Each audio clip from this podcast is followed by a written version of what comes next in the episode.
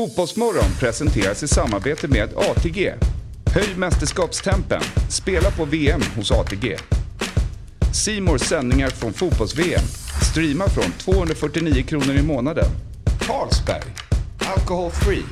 What's your game day ritual?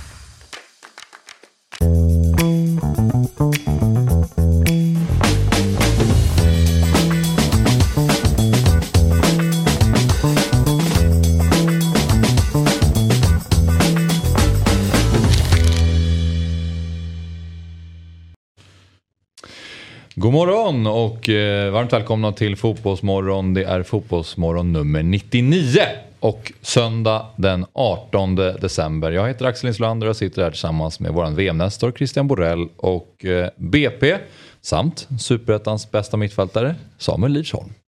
Jag gillar att säga det, Ja. men du har fått utmärkelsen. Absolut. Så det är, det, är, det är så det är. Ja, nej, jag är, blir lika glad varje gång jag hör det. Ja. Nej, men eh, det, det var kul. Det var en bra säsong. Och nu sitter vi här. Ja. Ska summera andras eh, halvsäsong, i alla fall en turnering. Precis, så är det. Och du har på dig den fina tröjan. Mm.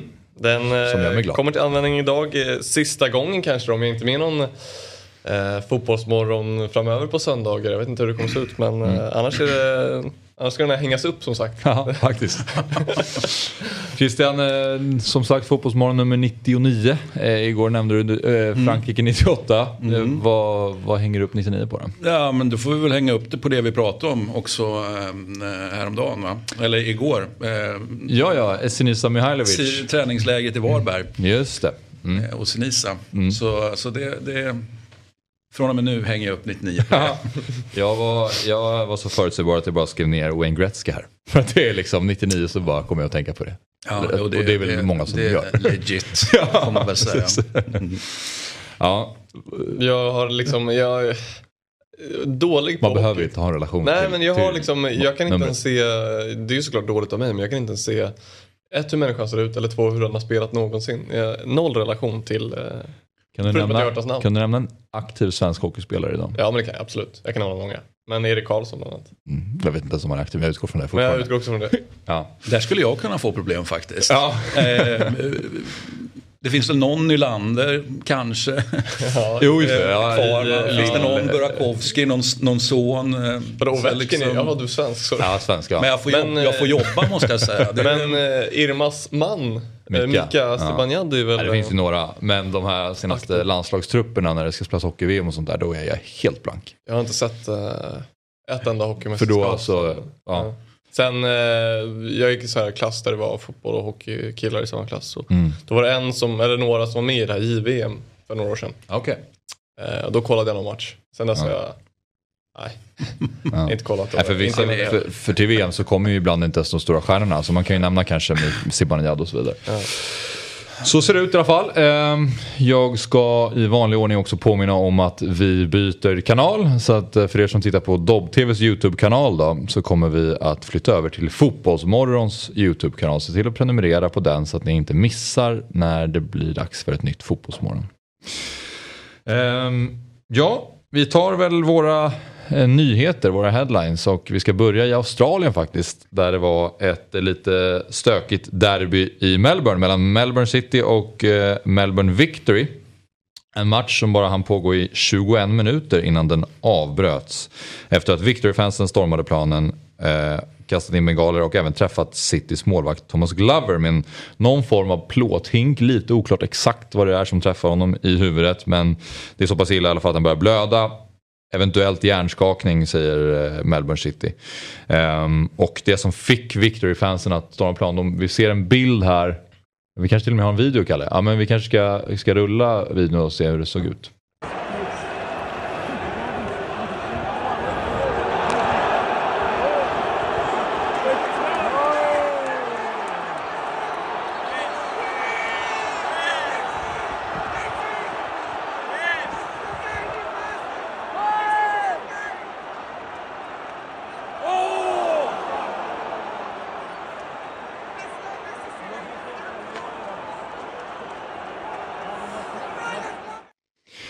Ja, som sagt, eh, supporterna kastar in någon form av pyroteknik och sen skickar målvakten tillbaka det på läktaren och då blir de skogstokiga och springer in och de träffar målvakten med något föremål i huvudet. Eh, som sagt lite stökigt i, i australiensisk fotboll uppenbarligen. Ja, man, så dålig koll har man på australiensisk fotboll förutom att Fabbe varit där och snurrat och Ola Toivonen och någon till.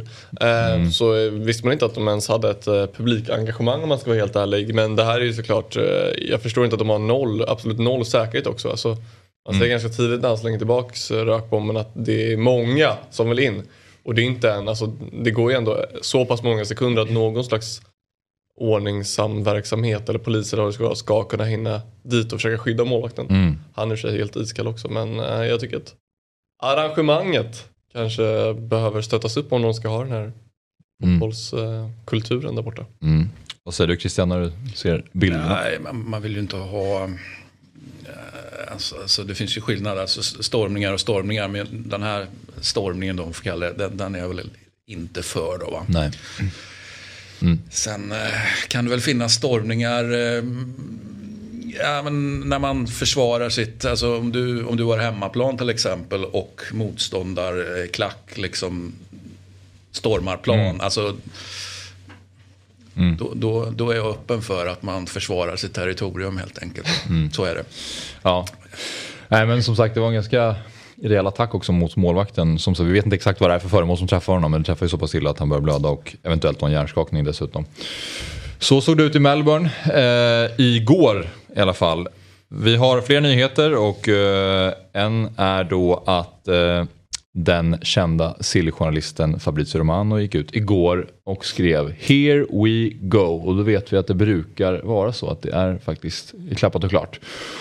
Och det är Kristoffer eh, Nkunku som ska vara klar för Chelsea, Samuel. Mm. Vad säger du om den här värvningen som Chelsea gör? Ja, men jag tror att den är jättebra. Jag, jag gillar honom väldigt mycket och eh, hade gärna sett honom i, i mitt favoritlag Real Madrid. Eh, och det är synd att vi inte får se honom i det här mästerskapet för hans siffror, och inte bara hans siffror egentligen, men hans siffror både från klubb och landslag på senaste har ju varit brutala, men framförallt i klubblag.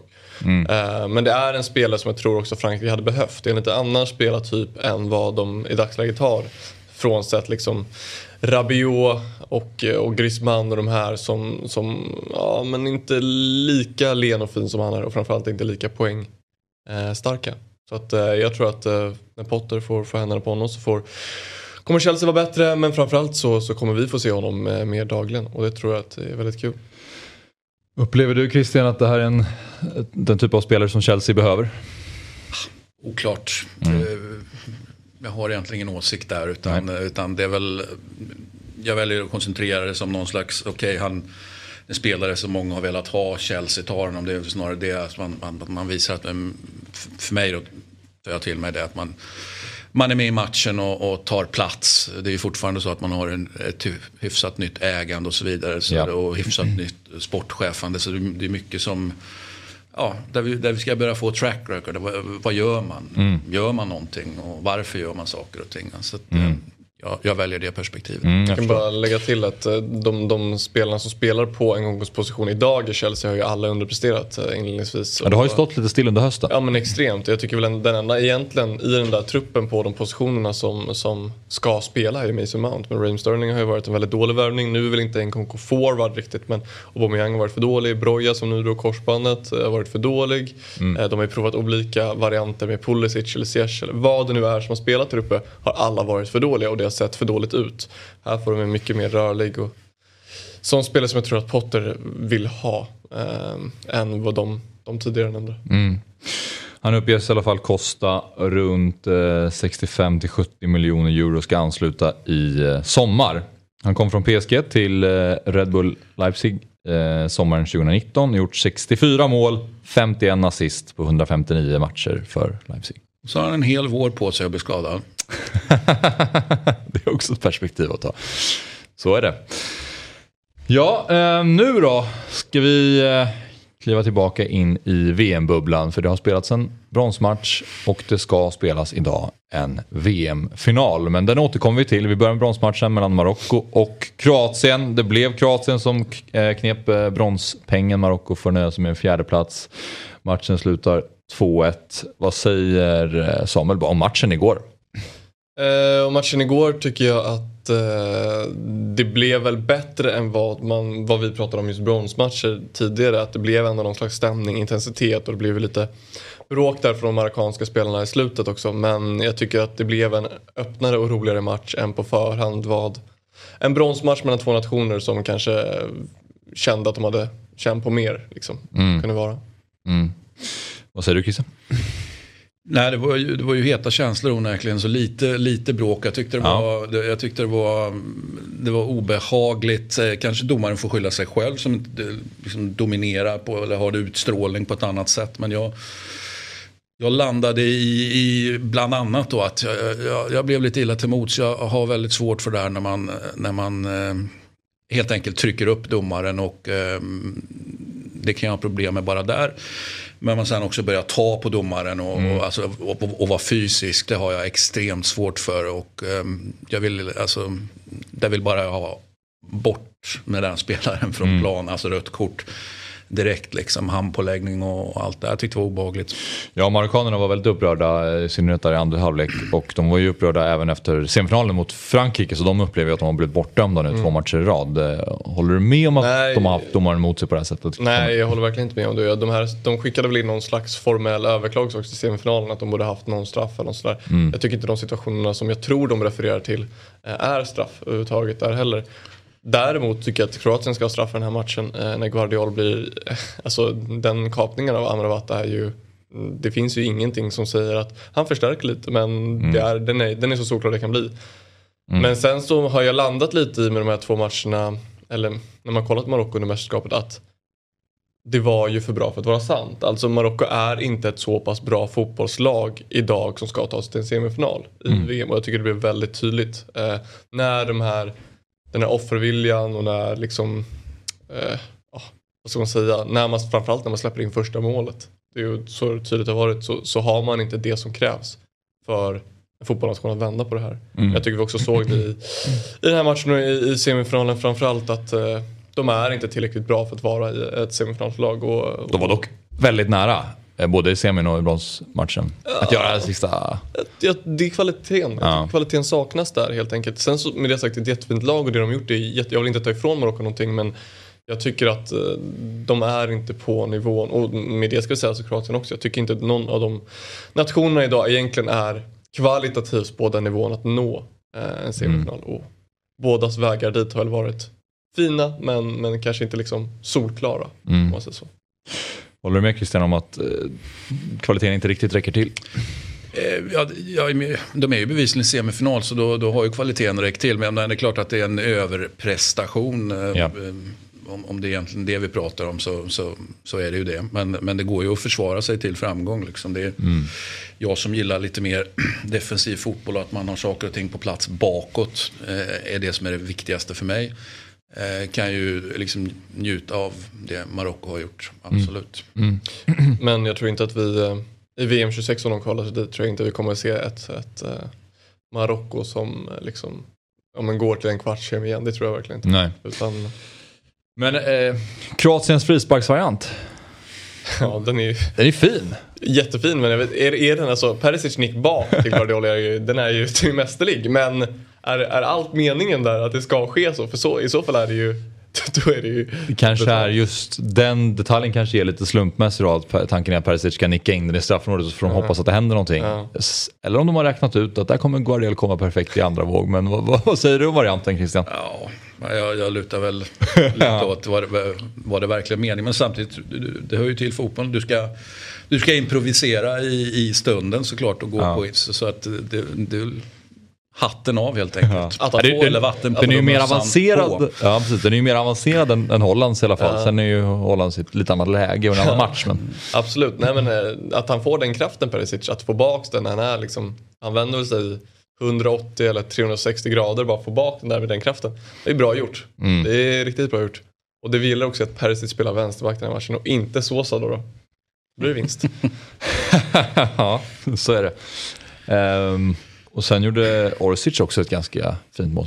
Ja, verkligen. Eh, sådana mål gillar jag. Mm. Eh, ja, vi ska, ruskigt bra avslut. Vi måste prata lite om Kroatien också, men innan vi gör det bara. Eh, du nämnde att eh, det var lite hetsigt och folk som, eller framförallt marockaner då i andra halvlek som, som klev runt domaren. Hakimi var ju väldigt förbannad också efteråt och eh, Johan Kücükasna eh, rapporterade från SVT att han hade varit på Infantino inför medaljutdelningen och varit väldigt förbannad och sagt att domarna inte håller måttet.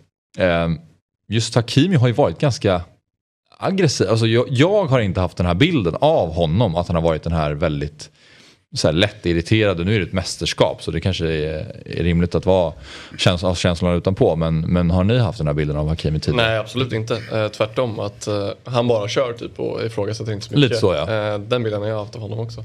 Mm. Men det är ju det som hela Marocko har byggt sin, eh, sin framgång på. Eh, är ju de här känslorna i att det ska sitta utanpå. I att Amrabat ska löpa max liksom i en, en halv mil per match mm. och vad var det de sa? Att Onai sprang 1,4 i semifinalen. Och det, alltså, det är ju det här de har byggt på, att det bara bubblas. Att de har så stort stöd och engagemang runt sig att det betyder så pass mycket. För, för inte bara för dem utan för alla. De spelar för något större. Mm. Och därför tror jag att eh, det kan ha tagit ut det värsta av Hakimi då, att han reagerar så här. Sen får vi se en slät Hakimi igen i PSG. Liksom.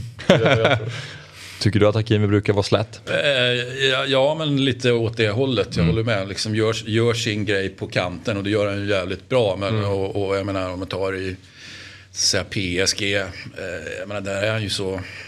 Jag ska inte säga att han är superlångt ner i hierarkin. Men han är ju ändå. Det finns ju tyngre pjäser om man mm. säger så. Mm. Här är ju han.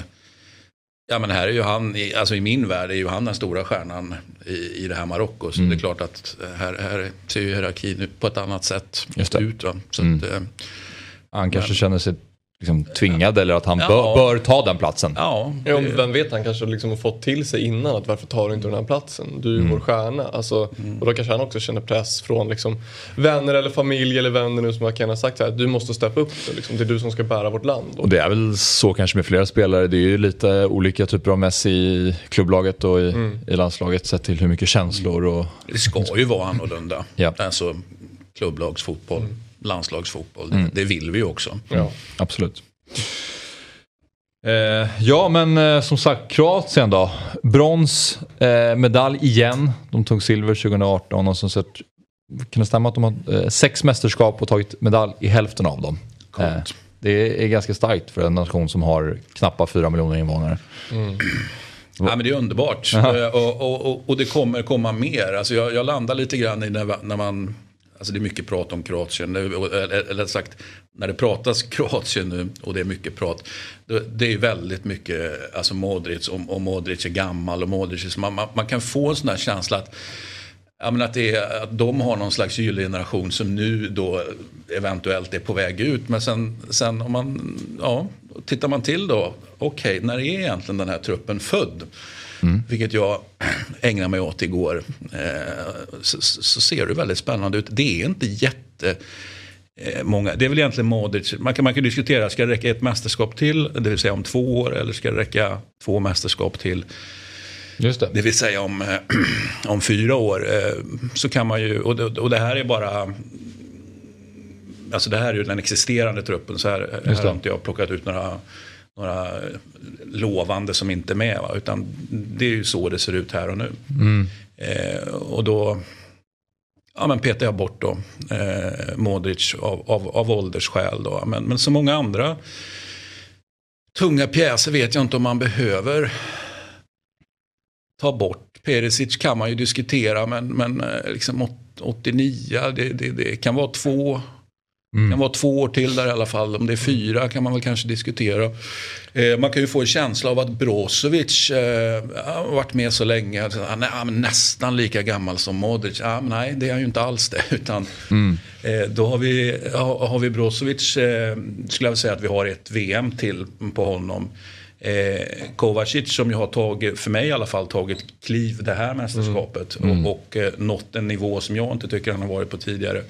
Eh, det räknar jag att han i alla fall landslagsmässigt kommer att kunna ligga på den nivån. Ah, Okej, okay, då ska man helt enkelt, om Modric då eh, slutar, då ska man då eh, ersätta honom då på det om, om, om vi tänker att de har samma spelsystem då, fyra. Ja, precis, till vänster kör vi en, en 11 och sen till höger så har vi några som har blivit... Eh, ja, det är, de som, det är ju helt enkelt de som Ja, men de som inte är ordinarie. Nu, ja. Okej, nu har ju Lovren kanske varit ordinarie då. Men, men det var han ju mm. inte igår. Nej. Ja, Modric eh, sa i alla fall att han, var, att han skulle fortsätta ett litet tag till med Mm. eh, Nations League och så. Så att, eh, han är inte helt klar, men till VM. Ja, men jag tror, ja, jag tror framförallt att han kör EM tror jag känns och sen Mm. rundar av efter det. Det var känslan i alla fall, för han var ju som du sa, han var väldigt positiv till att fortsätta direkt Mm. efter. Nej, de är häftiga Kroatien, det är sånt ånglok som bara, de, de, de ser till att ta sig vidare i turneringar. Mm. Och så kommer det ju komma, vi vet ju det är ju, det är ju en talangfabrik av Guds nåde så här kommer det ju komma eh, och, och, och finns ju redan massor med spännande liksom, så att det är det stora frågetecknet blir såklart om man om någonting händer för jag tycker att nu, men det här det här, det här ser ju bra ut för framtiden. Eh, men sen är det det där med, med Kramaric då. Om vi kan hitta en, en nia här någonstans eh, inför framtiden som faktiskt är, är bra på riktigt. Ja, verkligen. Ja, det blir spännande att följa Kroatien eh, framöver också. Vi svänger tillbaka till Marocko då eftersom Marocko har varit en, en större skräll än Kroatien det här mästerskapet. För vi har bett dig Christian ta ut en lista på de största kanske överraskningarna. Skallarna, hur har du definierat din lista själv? Ja, eh, precis. Jag fick ju uppdraget här igår. Och då, då började jag tänka matcher och så lite först. Men så, nej, men det är ju helt fel. Det är ju, det, det är ju, det är ju lagprestation över en turnering. Det är ju det vi pratar om såklart. Så att, eh, det är det som är ingångsvärdet då. Helt enkelt. Att man, att man ska prestera. Och så ska man ju helst, man kan ju säga så här, man ska ju, man ska ju helst gå jättelångt då. Men, men det är inte så att vi har någon överraskning, eh, slutsegrar. Eh, och egentligen inte final heller. Utan, men, men det är klart att om du överraskar men ändå åker ut i ett gruppspel, ja, det, det är ju kanske inte jättemärkvärdigt. Men, men så, så att, eh, hur långt man går spelar roll i alla fall. Va? Absolut. Eh, självklart också vad man, vad man gör på vägen. Eh, vad man har haft för motstånd, till exempel i gruppen. och, och ja, sättet man åker ut på. Eh, är rimligt att det ska, ska spela roll tycker jag. Vi börjar med plats nummer sex då på listan. Och, eh, Ja, det är ju helt galet med, med, med att det blev sex och inte fem. Men, men, 1 till 6-listan, den är, det är ju något. Jag har aldrig gjort det ja, det känns tidigare. inte som någonting som du egentligen gillar Christian. nej, nej, men det kändes jag samtidigt så att eh, när jag gjorde den här inventeringen så var det så, det var så uppenbart att ja, men, de är självklara de här. Så På så sätt kan jag tycka att det är en tråkig lista. Va? Men, men det, man får en, en, en historisk eh, feeling då såklart. ja. Men på plats nummer sex i alla fall, Australien VM 2006. Ja, eh, det måste man ju säga. Vi, vi lever ju i tron att eh, här existerar ingen, eh, eller vi levde då i alla fall, i tron att det inte fanns någon fotbollskultur överhuvudtaget. Sen fanns det ju australiensiska spelare som var, som var jättebra, men, men de spelade lik förbannat i Australien. Alltså inte hemma i ligan, utan, utan eh, australiensiska landslaget. Eh, så, så bara det faktum att, att de är Australien eh, gör ju det till en, en hyfsat stor överraskning. Mm. Och de åker ut mot de som sen vinner hela turneringen också. Ja, och, och På en lite semitveksam dömstraff kanske. jag har inga problem med det. Nej, men exakt, de, de skämmer inte ut sig. Alltså de, de rasar ju inte ut, utan, Nej. utan tvärtom imponerar ju när man åker ut. Eh, Så, så eh, allt igenom snyggt mästerskap då, av en nation som inte begriper, eller ska begripa någonting om fotboll. Eh, Men nu händer det ju grejer, nu stormar de med planer och allt möjligt. Så nu, Precis. Jag är på gång. vem vet vad som händer? Den tog sig faktiskt till åttondelsfinal även i år då. Ja. Den var aldrig nära att ta sig in på Nej, men nu är det ju ingen, alltså man kan säga, det här är ju första gången de Ja, okej, du tänker så. Mm. Ja, Barriärbrytande. det, ja men så är det ju. Sen var ju såklart spelarmaterialet mycket bättre då. Men, men lik förbannat är first time eh, spelar roll då. Ja, köper det. Vi eh, tittar vad vi har på plats nummer fem då. Då har vi Costa Rica, Costa Rica 1990. Ja. Ja, det måste man ju ha. Eh, sen så åker ju Costa Rica så att säga, ut då i åttondelsfinal. Så att, så att det kan man ju säga att det har ju varit... Ah, är det långt eller är det inte långt? Det hade ju varit på något sätt bättre för Costa Rica på den här listan om man hade tagit sig till en kvart eller semi. Men, men jag nöjer mig med åttondelen. Eh, inte minst med tanke på att vi har en, eh, de hade ju alltså en, en, en spelartrupp med bara inhemska spelare. Om inte jag kommer ihåg helt fel. Eh, och det är klart att, eh, ja, här har vi den förresten. Galet faktiskt. Eh, bara, bara, ja, men det är bara att kolla. Det är bara att kolla flaggorna helt enkelt. Alltså det är klart att det är jättehäftigt. De åker ut i åttondel, det är ganska tidigt. Men all respekt för, för costaricansk fotboll, liksom bara inhemska spelare. Eh, sticker ju ut va. Ja. Deportivo Saprissa måste ju vunnit serien eh, det året med tanke på att de har typ hälften av laget i den här Det är väl de eller Samspel. alla Julense kanske. Ja. Som också har några där. Ja. Ja, samspelt ja. Ja, nej men de, de är ju faktiskt värda sin, eh, sin plats då. Åttondelen till trots. ja. Då är det väl lite samma där då. Eh, att Costa Rica 2014 också. Jag kommer inte ihåg om de faktiskt tar sig vidare från åttondelen dessutom. Då är de ju på kartan. Alltså, Exakt. Där och då var de ju inte på kartan. Nej. Det var ju, det var ju väldigt uppenbart och det, det säger jag inte bara ur ett svenskt perspektiv utan Nej. det är ju en hel värld som någonstans avpoliterar Ja. Costa Rica. Och sen även i år då, det var väl ungefär fem minuter när de var i åttondelsfinal där. När Tyskland och Spanien var ute ur turneringen och Costa Rica och Japan var vidare. Så att de, de hängde ju ändå kvar i sista, sista minuten av Ja, gruppspelet. men, men nu fattar vi att de kan spela fotboll. Alltså Ja. Även de, eh, så att säga, de inhemska så har vi ju respekt för dem nu. Mm. Liksom. Och det är väl mycket tack vare, jag menar de här går ju i bräschen då. Så är det. Plats nummer fyra. Turkiet 2002. Ja, den, eh, nu börjar vi ju eh, jobba oss uppåt också. Semifinal, det är klart, det, det måste man ju säga. Det är, det, det är cred liksom. Det är, det är långt i en turnering, måste man ju säga. Sen kan man väl konstatera att det fanns en del eh, bra spelare såklart i det här laget. Men, men eh, där och då var det absolut en, en, en stor överraskning. Mm. Ja, du, jag har för mig att du, 04 har vi sagt att det är ditt första mästerskap, Ja. alltså EM då. 02 har jag ju bara hört mycket om det. Jag har inte sett knappt någonting egentligen. Jag har sett när Anders Svensson, om det är 02 när han snurrfintar och skjuter stolpen mot Senegal eller vad det.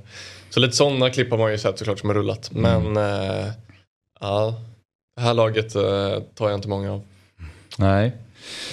Ja, nej men det var, eh, och Rusty Rekber, jag minns när han gick till eh, Barcelona och jag som ung Barcelona-supporter var helt lyrisk över att vad mäktigt att Rusty kommer. Och så fick han aldrig stå. Jag var så här, varför får han inte spela? Det var i början av 2000-talet. Det var innan man insåg att det fanns lite hierarkier i klubbar och Victor Valdes var ung och skulle väl spelas in och sådär. Jag har för mig att det var i alla fall. Ehm, på plats nummer tre, Kroatien 98. Ja, eh, här finns det ju en hel del eh, bra fotbollsspelare. Många av dem eventuellt lite på ålderns höst. Eh, men inneboende kapacitet. Men det är lik förbannat en ny nation. Och, det, och det är liksom just, just det att man är en ny nation. Det hjälper till att komma lite högre upp här. För, för det, det, det är inte helt enkelt att etablera menar, även om du har massor med eh, fina fotbollsspelare och en, en bevisligen fotbollskultur. Det var liksom ingen som tvekar på. Men, men att etablera ett nytt landslag och få det att prestera. Det, det, mm, och framförallt i infekterade tider. Eh, Men med det sagt då, du hade Zucker, Real Madrid, Boban, Milan. Alltså det, det, det är tunga pjäser. Det är lite här. andra klubbar här än Costa Rica. Det kan man ju lugnt säga. Men, men eh, mycket tack vare då ny nation där som, som gör att man eh, plockar på sig det här fantastiskt många, så många spelare jag tycker så mycket om här så det Ja. oj oj oj. Det är, jag tycker ofta det är när man sitter och tittar tillbaka på gamla trupper på det här sättet och man ser åldern så blir det ofta så att man, har ju, man förknippar ju en person som man kanske inte har upplevt med en viss ålder. För mig är ju Slaven Bilic en, en fotbollstränare eh, och ska, att, att Slaven Bilic, man säger så här, han var 29, förmodligen på sin prime då, 98. Eh, är ju häftigt att, att tänka sig bara. Även när man går tillbaka till VM 94 som svensk och kollar på dem, man, man tänker så här. Jag vet inte hur gammal Brolin var, men till exempel säg att han var 25 eller någonting. Ingen aning. Då blir jag också så här, var ju nästan, nästan ung. Ja, Nej, jag håller med. Det, det, blir, eh, det blir annorlunda att se dem så här unga. Mm. Ja men eh, bra lag. Många konstatera. Superfint lag. Eller många som jobbar inom liksom, klubbfotboll eller vad man ska säga. Ja. Igor Tudor, eh, Bobban som du var inne på, Slaven Bilic. På, eh, vi är framme vid plats nummer två nu. Och då är vi tillbaka. Marocko 2022. Ja, det är ju en, en, eh, en överprestation helt enkelt. Och med, med all respekt. eh, Alltså, de hade ju, kom ju in i mästerskapet, så- det har vi pratat om, med, så att säga, en stjärna slash riktigt bra spelare i varje lagdel. Det är i alla fall så jag har mm. valt att, att, se på det. Det vill säga Hakimi, eh, säga, Amrabat, stjärna riktigt bra men ändå ni fattar vad jag menar. Mm. Och så Ziyech. Resten är, känner jag är någon slags anonym fotbollsarmé som, som dundrar fram där ute i, i, ja, i fotbollseuropa i mångt och mycket. Eh, men eh, ja, vem hade trott Marocko i semi? Det var ju ingen som hade trott. Nej, nej. Så att respekten här är och första afrikanska, stor.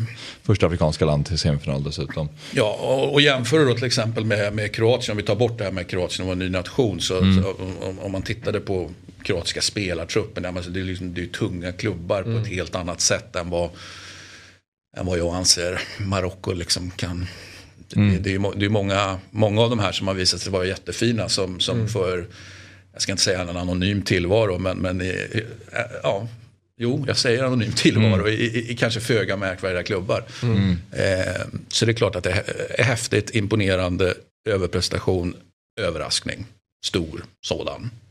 Minns du vad du själv tänkte om Marocko innan mästerskapet? Ja men såklart att de inte skulle gå vidare. Alltså det var väl som Christian var inne på. De har några spelare, dubbelt Sevilla, Bayern München, PSG, Chelsea. Det är väl det som jag tänkte liksom i, i de olika mm. spelarna. Jag har inte sett Amrabat spela jättemycket. Jag kollar inte jättemycket Fiorentina. Uh, men det var det jag tänkte att ja, de har vissa fina spelare. Ganska bra lag sådär. Mm. Men att, uh, det skulle, att de skulle tas vidare i gruppen trodde jag inte. Att de skulle tas vidare mot Spanien trodde jag inte. Att de skulle tas vidare mot Portugal För trodde jag verkligen inte. Det är ju lite så med, det är ju många nationer som har tre, fyra spelare som man känner till som är mm. bra. Och man, man sorterade in Marocko i samma kategori lite grann. Och så är det lite svårt att veta vilka som kommer vara den här skrällnationen. Ja, det blir ju alltid en skrällnation att, att Marocko skulle dels tas vidare från Spanien trodde jag väl inte, men, men Portugal som också vi höll väldigt högt då, framförallt truppen. Så det, det såg jag som uh, verkligen otroligt. Uh, men det de har gjort är ju helt fantastiskt, inte bara för landet men att som du säger att att vara den första. Att vara den första afrikanska landet i semifinal. Att för första gången ta Marocko till semifinal. Det, mm. det de gjort är väldigt fint för väldigt, mycket, för väldigt många människor. Um, och det ska man inte ta dem ifrån. Nej. Då så, på plats nummer ett på Christian Borrells lista över de största skrällarna i VM-historien. Ja, det är en skräll som gick ut över mig då kan man ju säga. Inte för att jag var född 66 men, men ett, ett, eh, ett landslag eh, som eh, är mig kärt mm. var minst sagt med 1966, fast inte så länge, det vill säga Italien. Mm. Eh, Italien, Chile, Sovjet i, i gruppspelet då för Nordkorea som såklart bara kommer 1966, med, det, är självklart bara inhemska spelare och de är ju dessutom, alltså, det är inte så att de är fotbollsspelare. De, här har ju, de har ju yrken och håller på med annat. Det är ju liksom ett amatörlag mer ja. eller mindre som de skickar dit. Men bevisligen med, med den här klassiska asiatiska klockrena arbetsinställningen. Liksom, ja. Börjar med att få stryk då mot Sovjet. Spöar Italien och skickar, hjälper till att skicka Italien ur turneringen. Vilket var en stor skandal såklart för, för, i Italien. Det var ju tomater och hela paketet när de kom hem steg av planet.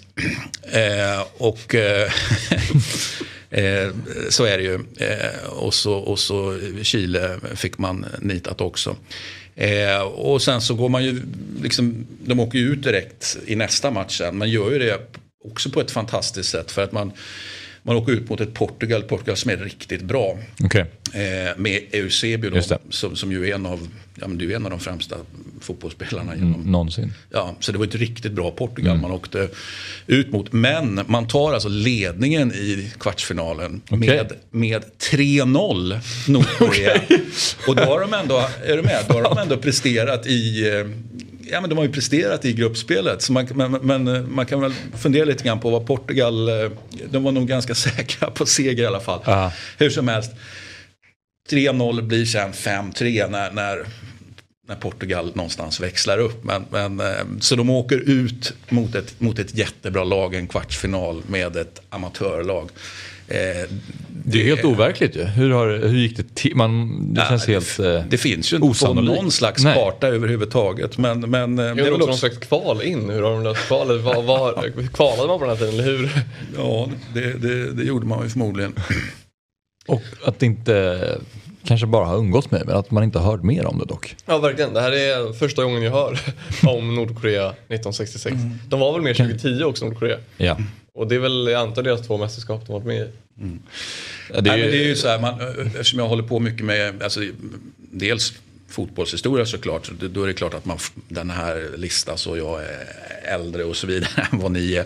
Men också eftersom jag håller på med, med italiensk fotboll mm. som är mitt så att säga, huvud, huvudspår. Så det här är ju, ja, men det är ju ständigt närvarande. Det, här, det är ju den, en, ja, men det är ju den stora förnedringen. Och ah, så vidare. Sen mm. finns det mm. andra förnedringar också. Men det här är ju, det här är ju en förnedring som, som, som inte fanns på någon karta överhuvudtaget. Nej.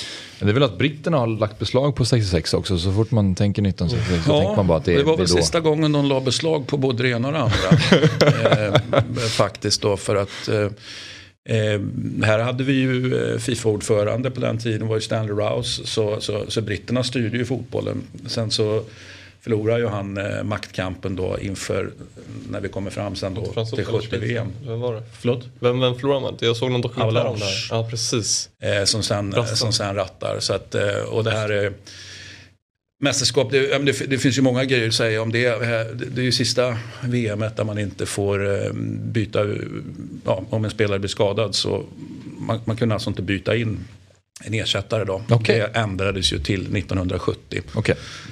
Pelé blev ju söndersparkad i det här VMet. Mm. Och var ju väldigt eh, upprörd och konstaterade iskallt att här, ska inte spelas något VM mer. Liksom vi, och det var ju många sydamerikanska nationer här. De, de kom ju Brasilien var inte riktigt lika bra som de, de var 62 då, bara för att göra den jämförelsen. Men, men det är ju ändå, det är ändå mm. Brasilien, ändå ett bra lag.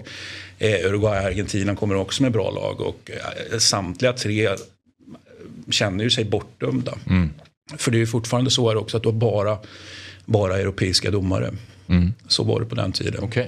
Okay. Eh, och det ändras ju också sen om du, om man, när, man, när vi kommer fram till 70 då till exempel. Mm. Så att, det är på många sätt ett vedervärdigt VM 66 ah, okay. om, man, eh, om man lägger till något slags, alltså väldigt, väldigt kolonial övning skulle jag ah. säga. Mm. Eh, det gamla Europa med, med, med Storbritannien och England i spetsen verkligen liksom styr ja. världsfotbollen då. Och du spelade för sista i... gången. I England. I England. Men du har en liten bubblare också på, på listan. Ja, men den måste ju med. För jag bara känner att den, den, är, den är svår. Eh, jag tycker att den är svårplacerad och det är ju 0-2 Sydkorea där. Men det är så otroligt. Nu har vi precis pratat på, på första platsen här. Och, eller, eller om, om Englands VM här. Eller om Nordkorea då alltså. Ja, men, men pr pratat om, om eh, tveksamma domarinsatser. Ja. Som, som framförallt icke-Europa tyckte var tveksamma. Europa hade eh, inte sådär jättestora problem med det skulle jag säga. Eh, och det är samma i Sydkorea såklart. Eh, de får ju hjälp. Va? Så, så, är det ju. Va? Men, men, eh, det går ju att driva tesen att andra fick hjälp 66 också. Så att, så att, mm. Eh, men det gör de lite grann. Eh, jag har dem som under strecket. Man, man får själv bedöma det där. Så det är ju en del av fotbollen att du ska kunna. Om du är värd så ska ju du kunna utnyttja det till din fördel. Sen, sen hur långt du stretchar det. Ja. Eh, och, men, men, det betyder ju också att för, att kunna Prata om matchen mellan Sydkorea och Italien här alltså? Ja, det var ju inte bara den. Det var, Nej, ju, okay. det var ju mot Spanien och, det, det det. och så mm. vidare. Så det var ju flera grejer på mm. vägen fram som var, som var tveksamt. Sen spelade de ju bra. Men, men, de fick ju hjälp.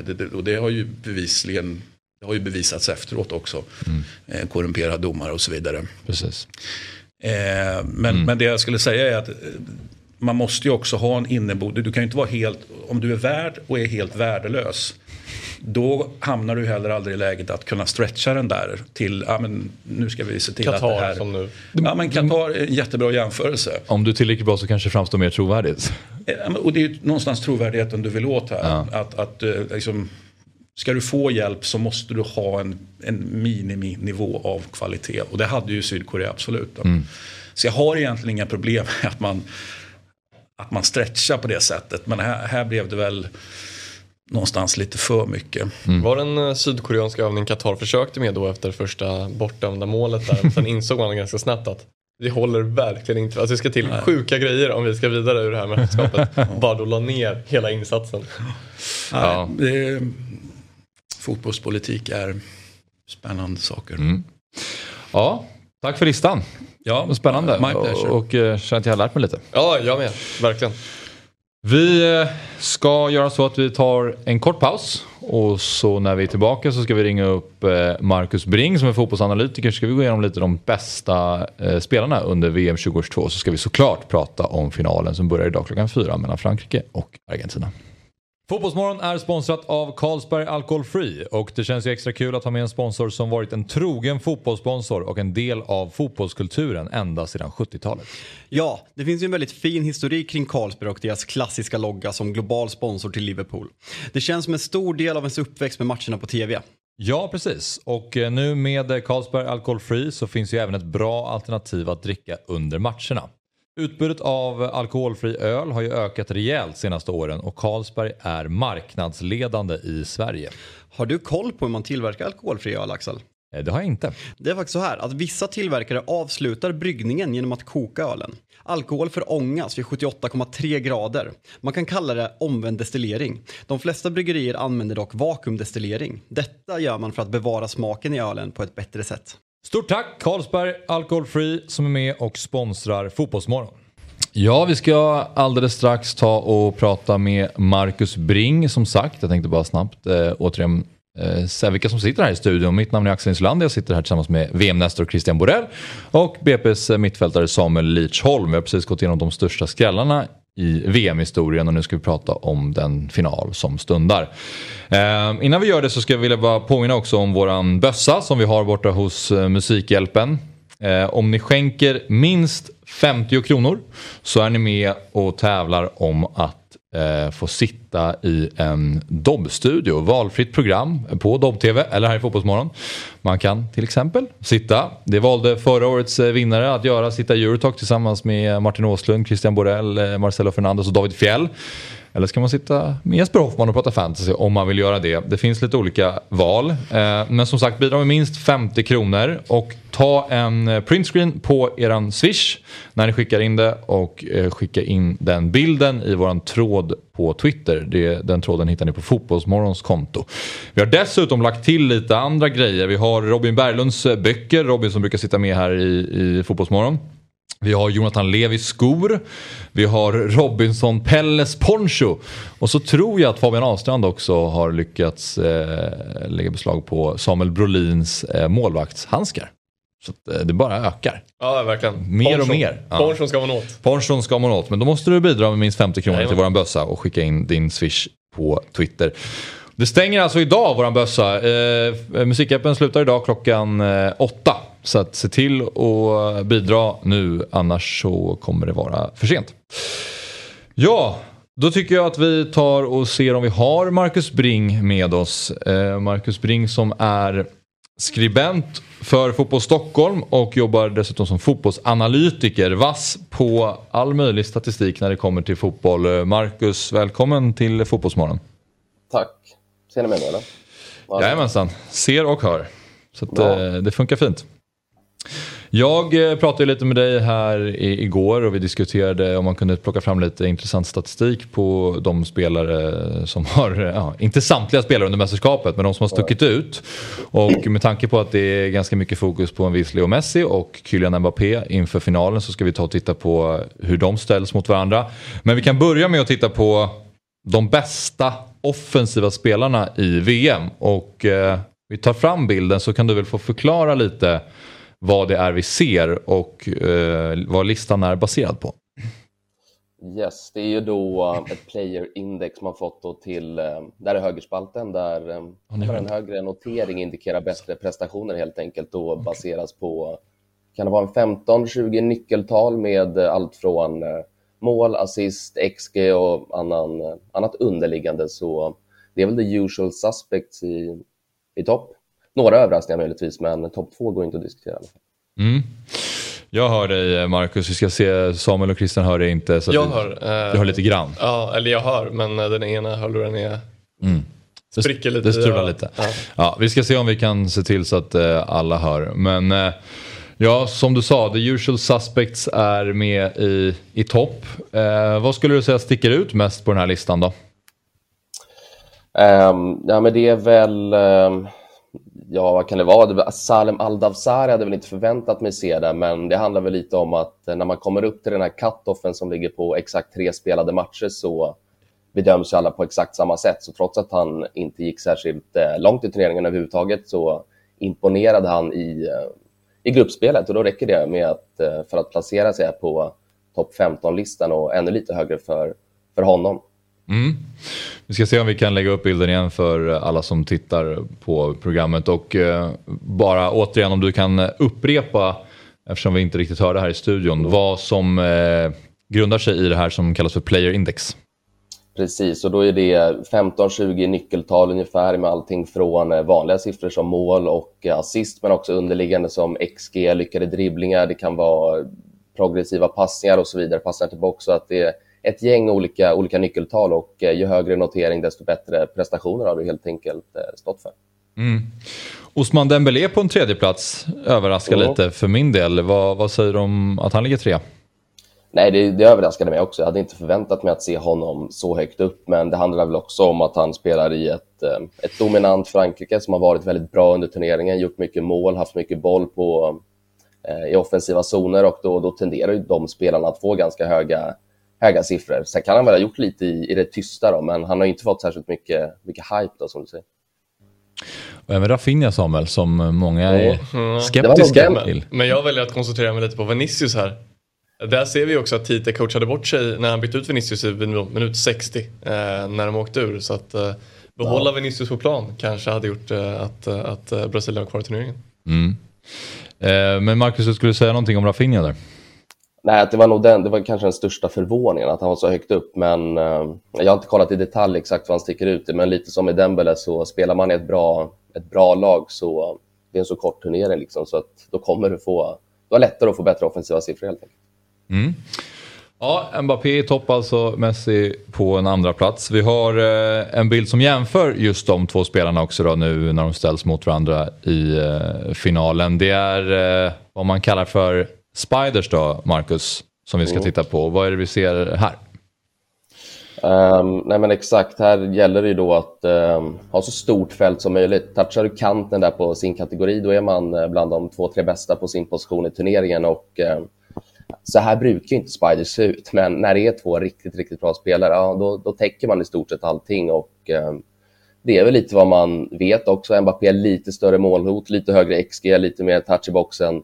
Messi lite, lite bättre kreativa siffror med XG-assister och eh, passningar till boxen. Så att det är väl typ vad man kan förvänta sig. Sen vem som har varit turneringens spelare, det är väl... Jag hade köpt liksom vilken åsikt som helst. Sen har väl jag en förkärlek till, till Messi, så jag hade sagt honom en ja, båda har varit otroliga.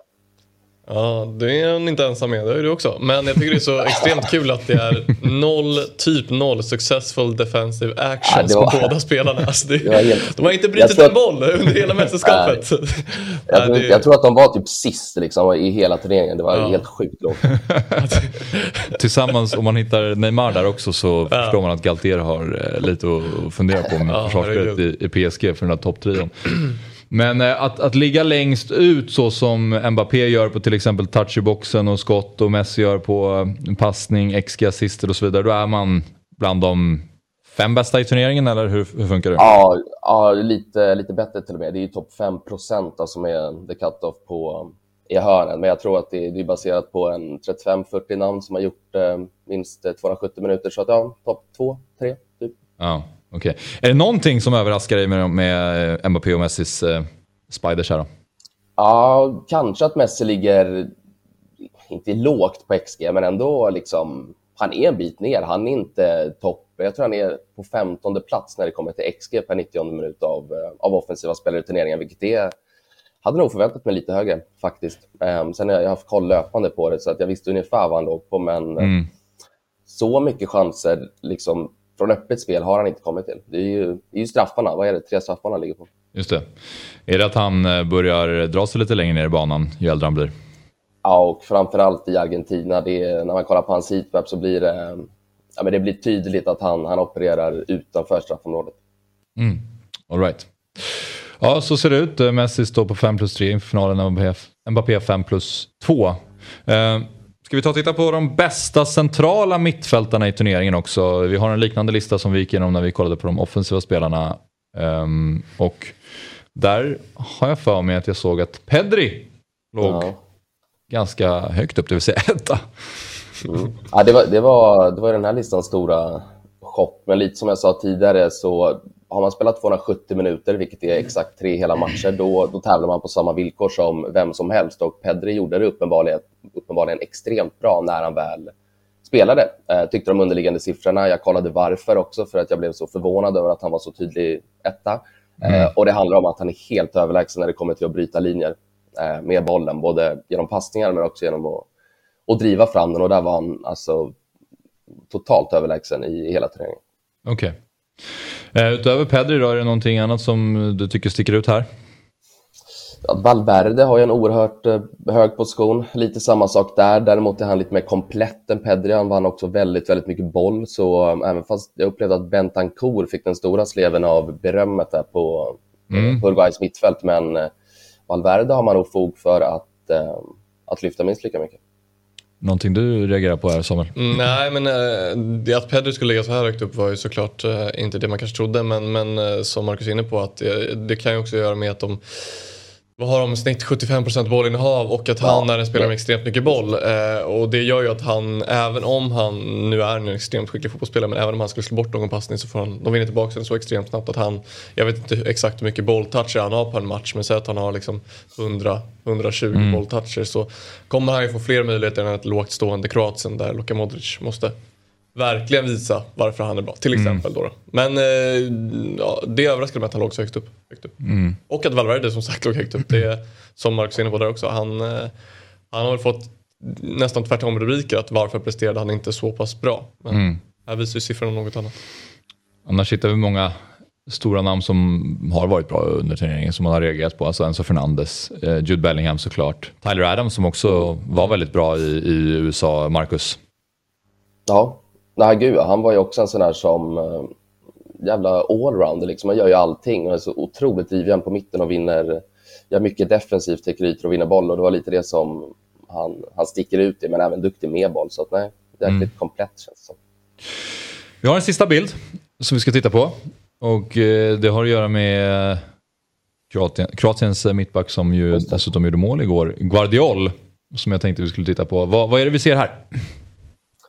Här ser vi då två olika, eh, två axlar med två olika, två olika nyckeltal. Då. Den ena är progressiva aktioner mm. eh, och den andra är lyckade defensiva aktioner. Och det här är då bara mittbackar i, i turneringen och Guardiol sticker ut på, på båda. Det är ju, han är uppe där i trion med Jiménez Timber och eh, han, han, själv på lyckade defensiva aktioner, men är ju även, vad är han, typ topp 5-6 på att även bryta linjer. Fortfarande långt ut till höger, ja.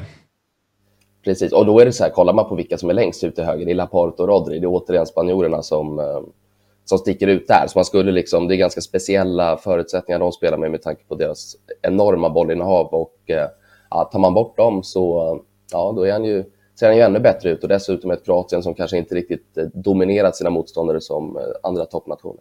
Mm. Så hyllningarna till Guardiola i mästerskapet har varit befogade? Ja, det får man säga. Mm.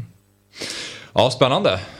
Inget, någon sista Nej, namn som du, du tänkte på här? Att Rodri längst ut till höger känns ju ganska väntat. Det känns ganska givet. Han hade en extremt hög position också eh, i det här mästerskapet. Kunde driva fram bollen. Alltså, han spelade mer eller mindre som en defensiv mittfältare fast han var mittback. Så att driver mm. upp dem 15-20 meter varje match hela tiden så mm. det blir väl att det kommer väldigt bra på en sån här skala.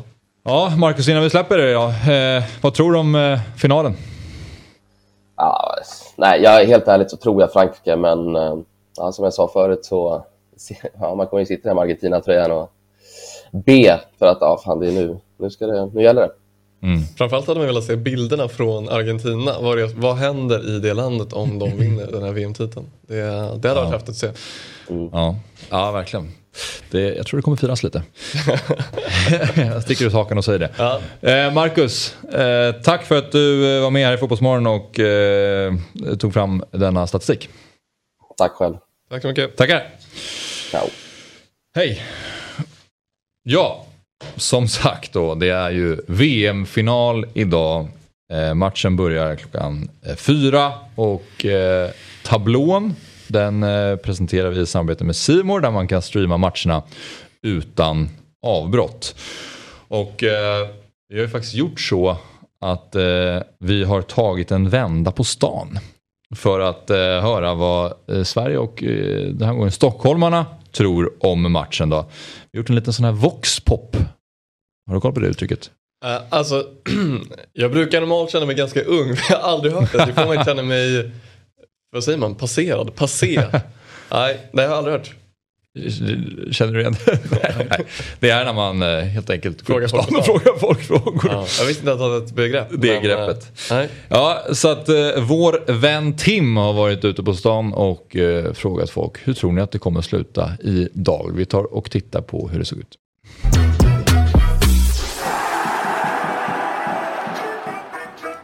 God morgon! Tim Rangström här från Sporttouchen. Jag befinner mig just nu ute i Stockholms innerstad för att ta fotbollstempel. Vi är ju timmar ifrån Argentina-Frankrike och frågan är, vem tror svenska folket kommer att vinna? Oh, svårt. Jag tycker båda varit riktigt bra men det är svårt att stoppa Mbappé. Frankrike tror jag. Jag säger Argentina. Nej, det är Frankrike helt klart. Uh, Argentina. Jag måste nog säga Argentina på den, faktiskt. Argentina. Eh, Frankrike. Jag tror att det är Frankrike som vinner. Argentina. Ja, jag tror att eh, fransmannen. Jag tror Frankrike, de har den där spetsen som kan avgöra VM-finaler. Frankrike. Argentina. Argentinas Messi, Frankrikes Mbappé, Kroatiens Modric eller till och med Marockos Bono. Vem har varit VMs bästa spelare? Alltså, man är imponerad av Messi alltså. Herregud, vilket jävla geni alltså. Uh, Mbappé eller Messi? Messi, Messi. Jag måste nog säga Griezmann på den. Så det är Messi. Mm, Messi, han är väldigt bra. Mbappé. Amrabat, jag säger till er, Amrabat, lirare! Veckans virala sensation, det har varit en marockansk tjej som hånar Cristiano Ronaldo. Portugal airport is that way! Ronaldo? Ronaldo! He's crying in his car! Ronaldo! Och ja, de flesta verkar inte riktigt gilla henne kan man säga. Nej alltså hon är bara lite jobbig och... Alltså inga kommentarer. Alltså resten fick mig att alltså, få tinnitus. Jag tycker hon är väldigt skämmig. No comments, no comments. Because if you comment uh, you are in, um, in trouble. Nej, jag, jag tycker hon är rolig, men det är så här, eh, alla som klagar, alltså hade det varit tvärtom, har han snackat om Messi, de har tyckt hon var rolig, förstår du? Har du en fråga till Fotbollsmorgon? Vem vinner VMs bästa spelare?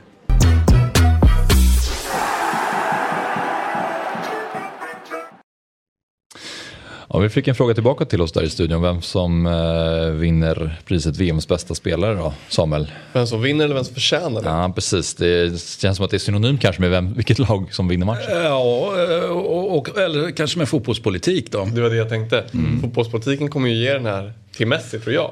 Eh, nästan oavsett hur det går. Men, tror du att Messi vinner även om Frankrike vinner finalen? Ja, men det tror jag. Eh, men jag tycker att Mbappé förtjänar en om Frankrike höll på att säga. Jag tycker att Mbappé förtjänar Även i dagsläget, I med förutsättningarna inför? Ja, precis. Tycker okay. att Mbappé förtjänar mm. eh, Vad, nu måste vi prata finalen ordentligt känner jag. Vad, eh, Christian, vad, vad, vad, vad, kommer du tänka när du sätter dig framför finalen idag? Mm. Eh, ja men det blir ju det här eh, testet på, på förvisso Mbappé men han har ju många test kvar rimligtvis. Han har ju redan bara, passerat testet en gång. Ja, eh, passerat test och så vidare. Eh, men jag menar att eh, Messi ska ju någonstans, eh, och det har han ju själv sagt, liksom, det här är mitt, mitt sista VM. så nu, nu ska han ju bevisa då att han är en spelare av den digniteten att han kan föra sin nation, då, Argentina i det fallet, till, mm. till inte bara långt i en turnering eh, utan faktiskt ta dem till seger. Mm. Det, det, och så ska det ju jämföras bakåt mm. med Maradona. Eh, till exempel då eftersom det är Argentina vi pratar om. Men det är klart att det går att jämföra med andra spelare också. Mm. Men eh, så, så, så, så, det blir väldigt spännande, mm. måste jag säga. Tror du att Messi kommer lyfta bucklan? Jag har ju spelat på dem inför turneringen, ja. så att det, det, är väldigt dumt att säga någonting annat nu då. Ja. Eh, med det sagt spelar jag ju på Uruguay också. eh, så att, så, så liksom supersäker var jag ju inte. Men, Men eh, jag trodde ju bevisligen på dem i finalen. Så att, eh, nej, men jag, jag, jag tror... Jag tror att, han, eh, att Argentina vinner. Mm. Sen hur bra Messi kommer vara i finalen, det, det, det låter jag vara osagt. Mm. Mm. Är, det, är det helt jämnt inför skulle du säga? Är det 50-50? Mm, ja, det skulle jag absolut säga. Alltså för mig i alla fall så är det extremt svårt det, att sia vem som kommer vinna. Ehm, jag tror att eh, argentinarna kommer eh, fortsätta på inslagen vägen att vara men fula, lite obehagliga, lite kaxiga. Och vi får väl se egentligen hur fransmännen eh, hanterar det. För att de spelar ju liksom ett väldigt provocerande spel, argentinarna. Att liksom det är, man kaxar, men lite Barcelona 2010 nästan. Att det är så här, Mm. Du är väldigt på domarna, men inte bara det. Utan du är liksom du är kaxig, du skyddar ju mässigt som sagt. Och Rodrigo de Paul har ju, det känns som att han har en uppgift på plan. Och det är liksom att provocera, provocera, provocera. För att Mm. utöver det så har han ju inte gjort någon glad under det här mästerskapet. Han har ju varit urusel men spelar likväl varenda minut nästan för att han är bra i det här sammanhanget. Eh, tycker jag i alla fall. Och han, det skämtas ju extremt mycket om att han är Messis livvakt då. Men eh, inför finalen skulle jag säga att det är helt 50-50. Jag, jag kan inte säga att det här laget är favorit. Det inte. Vad ser du framför dig för match? Ja men som jag var inne på lite, jag tror Argentina kommer vara väldigt fula. Jag tror att, eh, jag vet faktiskt inte vem som dömer idag men... Eh, det, Det är en polsk domare. Polsk, sorry. Eh, precis, den här domaren kommer då få ett stort uppdrag i att liksom sätta nivån. För att eh, blir nivån för låg så kommer det viftas kort. Tror jag. Mm. Och blir nivån för hög då kan det spåra ur. Så att eh, det blir lite på vart han sätter nivån. För jag tror att, eh, jag tror att fransmännen inte riktigt är inne på att förstöra matchen så mycket som, som argentinarna vill. Mm. Eh, jag tror att argentinarna tjänar mer på det. Mm. Jag tror det kommer bli en intensiv match. Tror jag. Tror du, delar du den åsikten? Eh, ja, Mm. det kan jag göra. En, eh, ett annat eh, så att säga, bevis vi kommer att få här eh, som jag känner väldigt häftigt. Dels liksom, Messi har vi redan pratat om men Loris. Mm. Nu, nu känner jag att han, eh, liksom alla misstag, till, han har ju så att säga, redan vunnit då, men alla, det har ju ändå skett en massa misstag. Men nu har han ju faktiskt varit riktigt bra. Då hänger en tabbe i luften. Ja, det, det det är det jag undrar om han gör det. Eh, skulle det vara så att han gör en riktigt bra, eh, så att säga, om man vinner igen, vilket ju blir, eh, ja men det blir ju ännu mer historia då att man får eh, ja, två stycken guld i rad helt enkelt. Då, då, då känner jag att, man, att han kan vara i det läget att man, man faktiskt slutar prata om, om Juris misstag. Han, han- kan verkligen ta det där steget att okej, nu drar vi bara ett streck där. Och så är du bara Juris och du har, och du har VM-guld och du har gjort det här jävligt bra. Så jag skulle säga att han, han, eh, han spelar som Jocka la Carriera, han, han, han, liksom karriär eftermälet liksom. Mm. Det är det som står på spel för, för Juris. Mm. Så det kommer jag, alltså det, det kommer Det finns många detaljer. Ja. Ja, ja, Mm. men, de två tycker jag någonstans eh, så att säga, sticker ut. Så det är ju, och Lloris. och det kan ju vara matchen i matchen då. Man brukar snacka om matchen i matchen på samma position eller motsatt. Men det blir ju Messi mot Lloris då. Mm. Vem är det som vinner matchen i matchen? Det är, det är ett häftigt sätt att se på det Mm. tycker jag. Erik Niva beskrev i sin, in, sin krönika att det här är den eh, största fotbollsmatchen någonsin. En match för evigheten. Vad trött jag blir. Jag tänkte fråga dig om det. Ja, men, jävla bullshit. Ja, Faktiskt. Jag menar, ta det lugnt. Mm.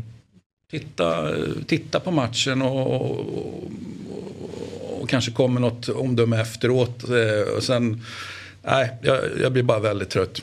Mm. Jag tror, jag tror om, jag, om jag tolkar fritt här så är det ju att eh, Det handlar nog lite eftersom- om... o- om om Messi ska vara störst mellan, eh, i, i alla tider eller inte. Och du, Och oavsett lite- om Messi vinner eller inte så tycker du fortfarande Maradona var, eller är, större. Eller var. Eller, Eh, Ja, det är väl ett rimligt antagande. Ja. Ja.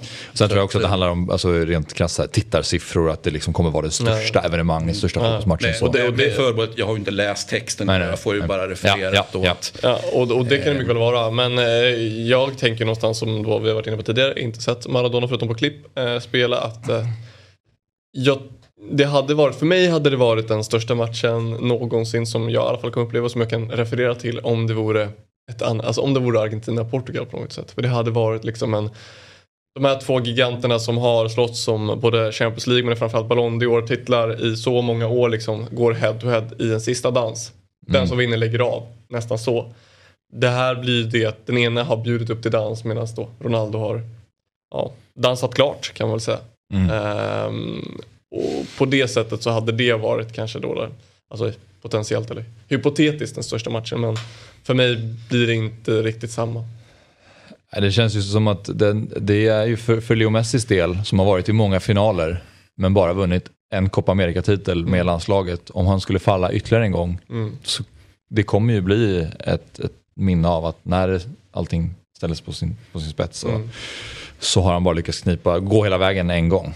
Det känns just, han vet om det själv såklart men det är ju så otroligt viktigt för honom. Men han sätter ju bra press på sig själv också med att säga att det här blir mitt sista. Mm. Det kanske åldersmässigt är, är självklart också. Men, men eh, han hade ju inte behövt eh, liksom komma med beskedet Mm. inför finalen. Så, att, eh, så, så jag kan gilla att han sätter pressen på sig själv. Nu får vi se om han pallar det. Och, eh, och sen har vi ju fått eh, se brev från, från hans barn. Mm. Eh, som, som, då, som ju familjen själva liksom lägger upp. vi, vi lever ju i hyfsat nya tider ändå kan jag tycka. Ja. Det, det, ja. Det är Messis, Och det är ju jättefint eh, på alla möjliga sätt och vis. Messis fru då som lägger upp det. Så eh, jag kan inte säga att jag hade superkoll på henne. Men Och deras son Thiago då snabb, eh, snabb googling eh, så inser jag att hon eh, är 1,57 så att han, han är i alla fall längst i familjen. så pass Och de, de kan- har kanske. eh, träffat barnkärlek och här grejer. Det är... Ja, ja, det finns ju Ja, säkert så är det. massor De har varit tillsammans för länge. Ja, precis. men, men ju- just det här med att ja, ska, alltså, ska det där ut innan, alltså jag kan väl tycka att nej. Hon sätter ju också press. Ja, det, Ja, det, jag tycker inte heller att hon det är gillar inte att vara kortast i familjen.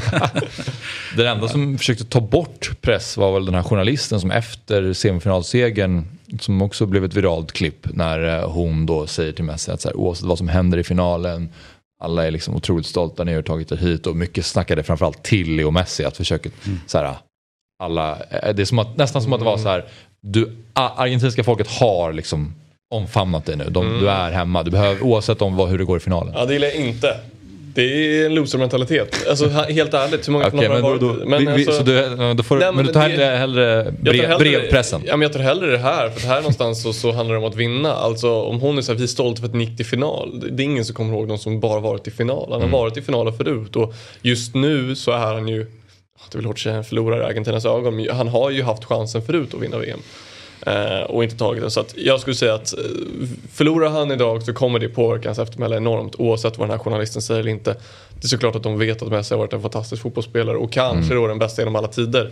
Men, men en förlust idag påverkar hans eftermäle likväl som en vinst idag påverkar det. Så att eh, snack om att vi är stolta över det för att tagit till final är ju bullshit. Mm. Det är någon förlorarmentalitet. Vi har Messi på ena sidan och sen har vi Mbappé som redan har ett VM-guld. Eh, 23 år, har inte fyllt 24 än tror jag. Nej, 23. Eh, och kan lyfta sin andra pokal idag. Ja, men det är lite Pelé-varning kan man ju Det tycka. börjar va? bli lite Pelé-varning. Eh, Även om vi kom in på att eh, 62 eh, titeln där kanske han, han inte var så delaktig i då. Men lik förbannat. Ja. Två, två stycken i tidig ålder. Ja. Sen är det bara att administrera resten av karriären och, och se om man kan plocka på sig någonting ytterligare då. Men ehm, all, allting är ju sagt om Mbappé. Det är ju en fantastisk fotbollsspelare. Ja, ehm, Och han spelar också i en fransk generation som framöver också kommer vara dominant. Vilket är att vinner han ikväll, det är ju inte omöjligt att han plockar den tredje då. Och plockar han den tredje, tänk om han plockar den fjärde. Men nu är det mycket om och men. Men det, är ju inte omöjligt. provocerande tanke och, eh, men, men, och fascinerande tanke och inte alls eh, omöjlig eh, verklighet. Eh, Men eh, jag, jag säger inte att jag ser fram emot det, men jag tycker att det blir intressant att se den dagen. För förr eller senare kommer Mbappé såklart som alla fotbollsspelare åka på en, en, en skada, Skada. kanske en rejäl skada.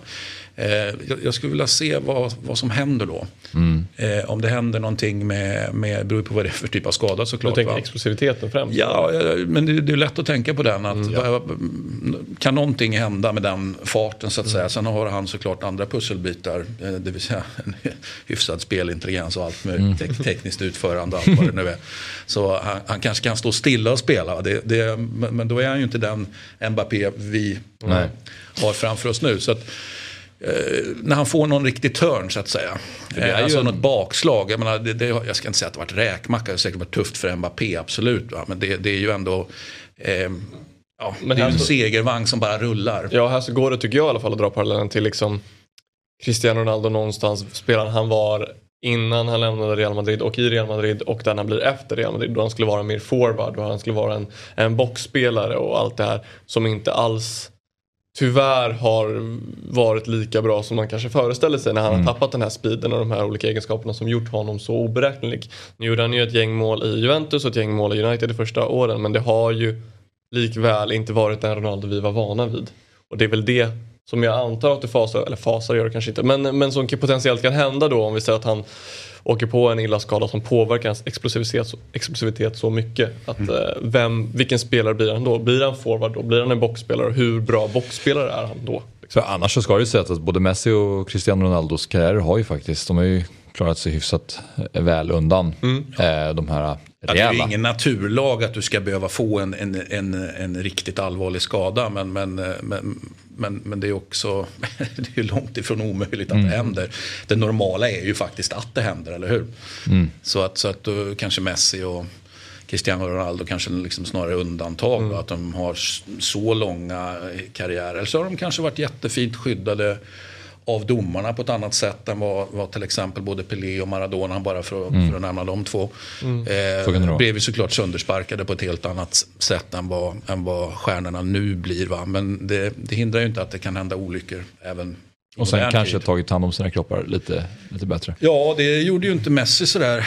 Han hade ju, han hade ju så att säga, uppenbara problem med, med att fixa eh, dieten när han var i, i, Bar- eller, ja, han var i Barcelona väldigt länge. Men han la ju om kosten i ett visst läge där, därför han höll på. Vad var det, han, hade blivit mycket, vad var det, han var skadad mycket i, på samma ställe. Mycket, var det baksida eller låret eller vad det var? Var det- Och då så la han ju om kosten då för att han skulle slippa de här muskelskadorna. Mm. Och det var ju, jag vet inte exakt när, men säg runt 2013 eller 2012 eller något sånt där. Där han hade väldigt mycket av den här problematiken. Han var ju tvungen att åka till Italien för att kurera sig. Va? Och sluta, det är ju också lustigt, åka till Italien. En av grejerna som han slutade med var ju, han, han satt ju och tryckte i sig pizza, det var ju det.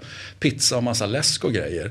Det finns ju sån här klassiskt, den skulle vi ha haft med nu men det tänkte jag inte på i hastigheten. Men den här, eh, någon hade ju kommit över den här eh, alltså matlistan när, Barcelona ute och reser.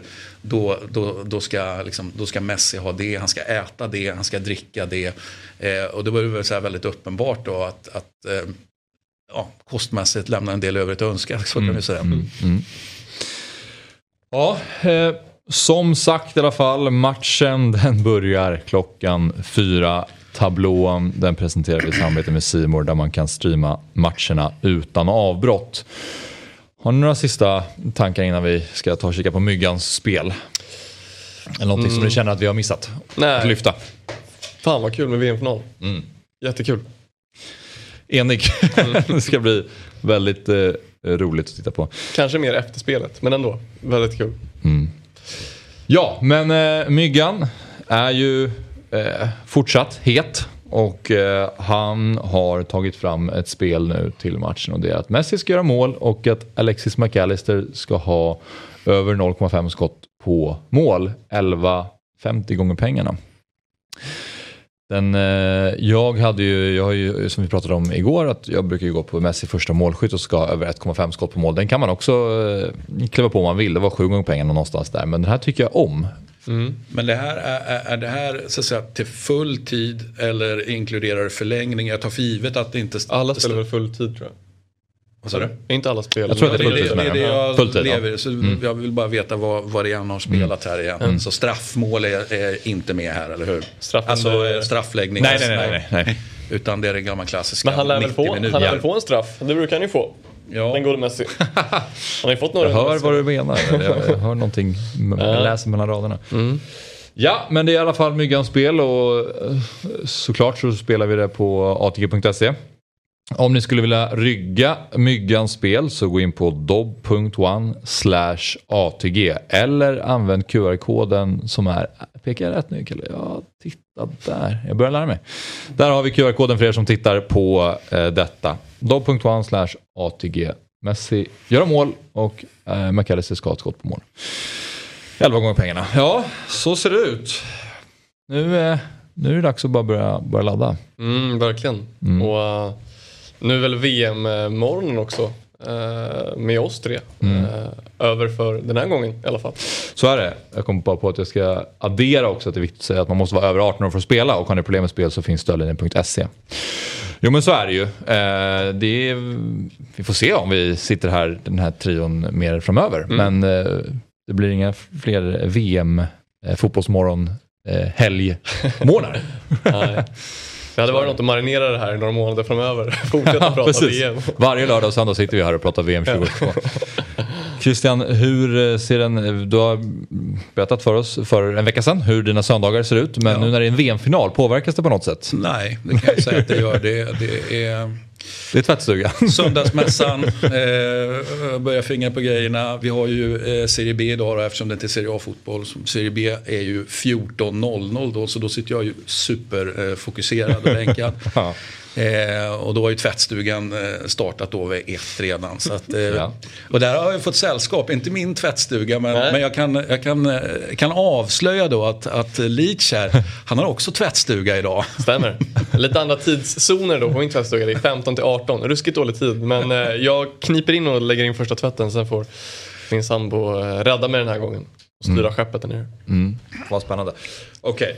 Jag vet inte om, Christian, jag har bara en känsla av att du inte vill tippa matchen. Men du får göra om, om du vill. Nej, nej alltså jag, jag tror på ehm, jag tror på argentinsk seger. Alltså jag, jag, Det gör jag. Mm. Okej. Super, super, superspännande match. Ja. Eh, Jag kommer bli väldigt besviken om, eh, alltså alla, alla tar ju för givet att vi kommer få se en, en, en jätteprestation av Messi. eh, Och jag, jag är jättenyfiken på den prestationen. Jag är nyfiken på allt med final såklart. Men jag är jättenyfiken på den prestationen. Om man... Tar vi det för givet? Jag tar inte det för givet faktiskt. Nej, nej, det, det, det är det jag hintar lite grann att jag kanske Inte heller gör det. eh, sätter, jag, jag vill i alla fall ha ett frågetecken där. Att är det så självklart att, att han liksom har hittat en ny nivå. För det är ju mycket prat om det nu. Han leder på ett annat sätt och han ler. Han är eh, mänsklig och, och hela det. Liksom, det är en ny Messi vi ser. Ja, men jag ska titta på Messi och så får jag se om det är en ny Messi jag ser. Mm. Mm. Och eh, Samuel? Eh, nej men resultat 1-0 Argentina. Jag tror faktiskt jag landar i det nu. Att eh, Argentina vinner här. Och det är 1-0. Okej. Kanske är Messi som är målet då. Men jag tror inte prestationen i sig kommer vara så pass bra från Messi idag. Tror jag. Mm. Men däremot tycker jag att han har burit Argentina sett till det. De poängen han har gjort. Och ut som han har liksom gjort det. Så det kan, det Eh, kan ju landa i en sån, eh, alltså där kanske prestationen inte är fantastisk men den avgörande geniala passningen ändå kanske Ja, kommer ifrån. absolut, Alltså, det, absolut. det, Och så har det väl sett ut. Han har ju liksom blixtrat till i, i vissa stunder och sen så går han runt på mittplan som ingenting har hänt i Mm. några minuter. Och sen så händer det nästa grej. Så att, men jag tycker att han har, han är väl den största anledningen till att Argentina är i final skulle jag säga. Mm. Ehm, så jag tycker han har gjort ett Men du vill att Frankrike ska vinna? Vill Frankrike, tror Argentina. Bra, då har vi det tydligt. Och eh, fick eh, bekräftat här också att det, det är absolut full tid som gäller angående spelet där Christian.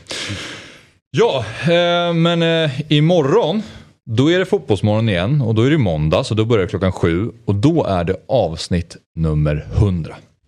När man summerar VM-finalen. Det finns något fint i det. Ja, extremt. Ehm, så ser det ut. Men eh, vi har en sändning däremellan och det är våran Watchalong. Den börjar idag klockan två redan. Så vi har två timmar på oss att gå igenom alla förutsättningar inför finalen. Då kommer det vara jag och Sabri Sovaksi, Fabian Jalkemo och Fabian Ahlstrand som sitter i den här studion. Och sen kommer vi följa VM-finalen tillsammans. Detta kan ni se på YouTube och på Twitch om ni skulle vilja göra det. Så ser det ut. Ja, tack för denna gång då. Men tack själv.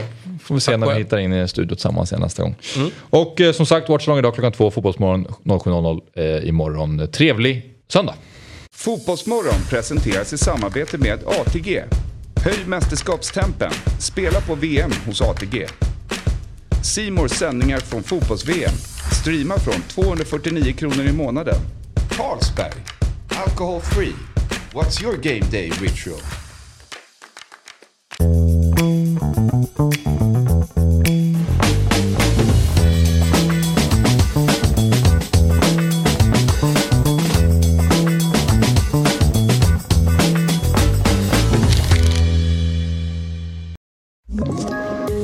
poddtips från Podplay. I fallen jag aldrig glömmer djupdyker Hasse Aro i arbetet bakom några av Sveriges mest uppseendeväckande brottsutredningar. Går vi in med hemlig telefonavlyssning och, och då upplever vi att vi får en total förändring av hans beteende. Vad är det som händer nu? Vem är det som läcker? Och så säger han att jag är kriminell, jag har varit kriminell i hela mitt liv men att mörda ett barn, där går min gräns. Nya säsongen av Fallen jag aldrig glömmer på Podplay.